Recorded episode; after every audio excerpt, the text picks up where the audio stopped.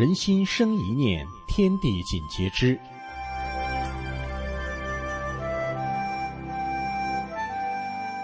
听众朋友您好，欢迎您收听明慧广播《善恶一念间》节目。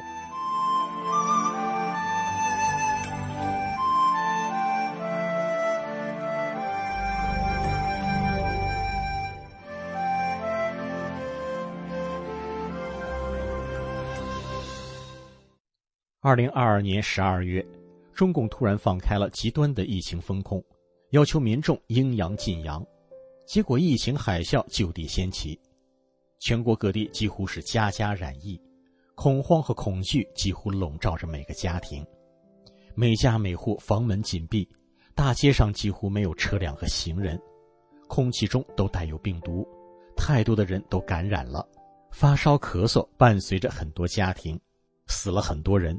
火葬场送不进去，要排队很多天才能火化，给很多家庭带来了灾难。张斌是一位法轮功学员，他的老父亲已经九十八岁高龄了，在这波疫情海啸中，他的父亲也不幸染疫，而且持续高烧，送去医院，医院里已经住满了染疫的病人，连过道走廊里都住满了人，没有床位，费尽了周折。最后才住了进去。第二天拍 CT 片子，确诊得了白肺，而且父亲有心脏病、肾病等各种基础病，都很严重。大夫告诉家属：“你们要有心理准备，病人岁数太大了，很难治好，该准备的准备吧。”父亲在医院输着液，高烧也不退，可想而知张斌和家人有多难受。到第五天中午。父亲还是高烧，当时张斌就想，只有法轮大法的师傅能救了他。父亲明白了法轮大法的真相，而且选择退出了中共的党团队邪恶组织，做了三退。